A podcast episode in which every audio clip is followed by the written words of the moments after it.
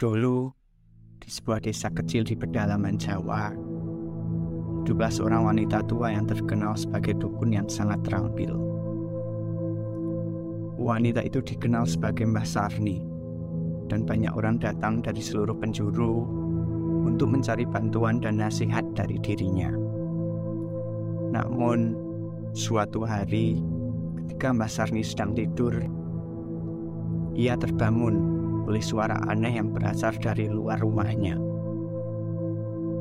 Saat ia membuka matanya, ia melihat sosok Jin Korin yang berdiri di hadapannya.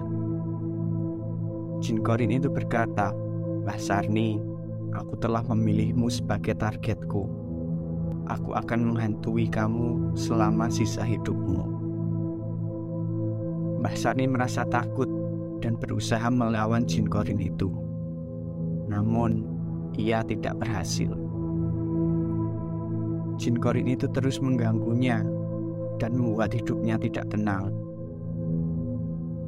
Mbah Sarni pun memutuskan untuk meminta bantuan kepada para dukun lain, tetapi tidak ada yang bisa membantu. Suatu malam, ketika ia sedang tidur, ia bermimpi tentang sosok lelaki tua yang memberinya sebuah benda kecil dan berkata, "Gunakan ini untuk mengusir jin korin itu."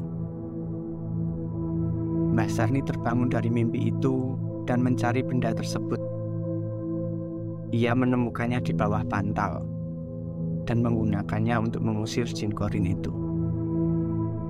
Setelah itu, hidup Mbah Sarni menjadi tenang lagi dan ia tidak pernah lagi dihantui oleh jin korin. Namun, ia tidak pernah menceritakan kepada siapa pun tentang pengalamannya horor dengan jin korin itu.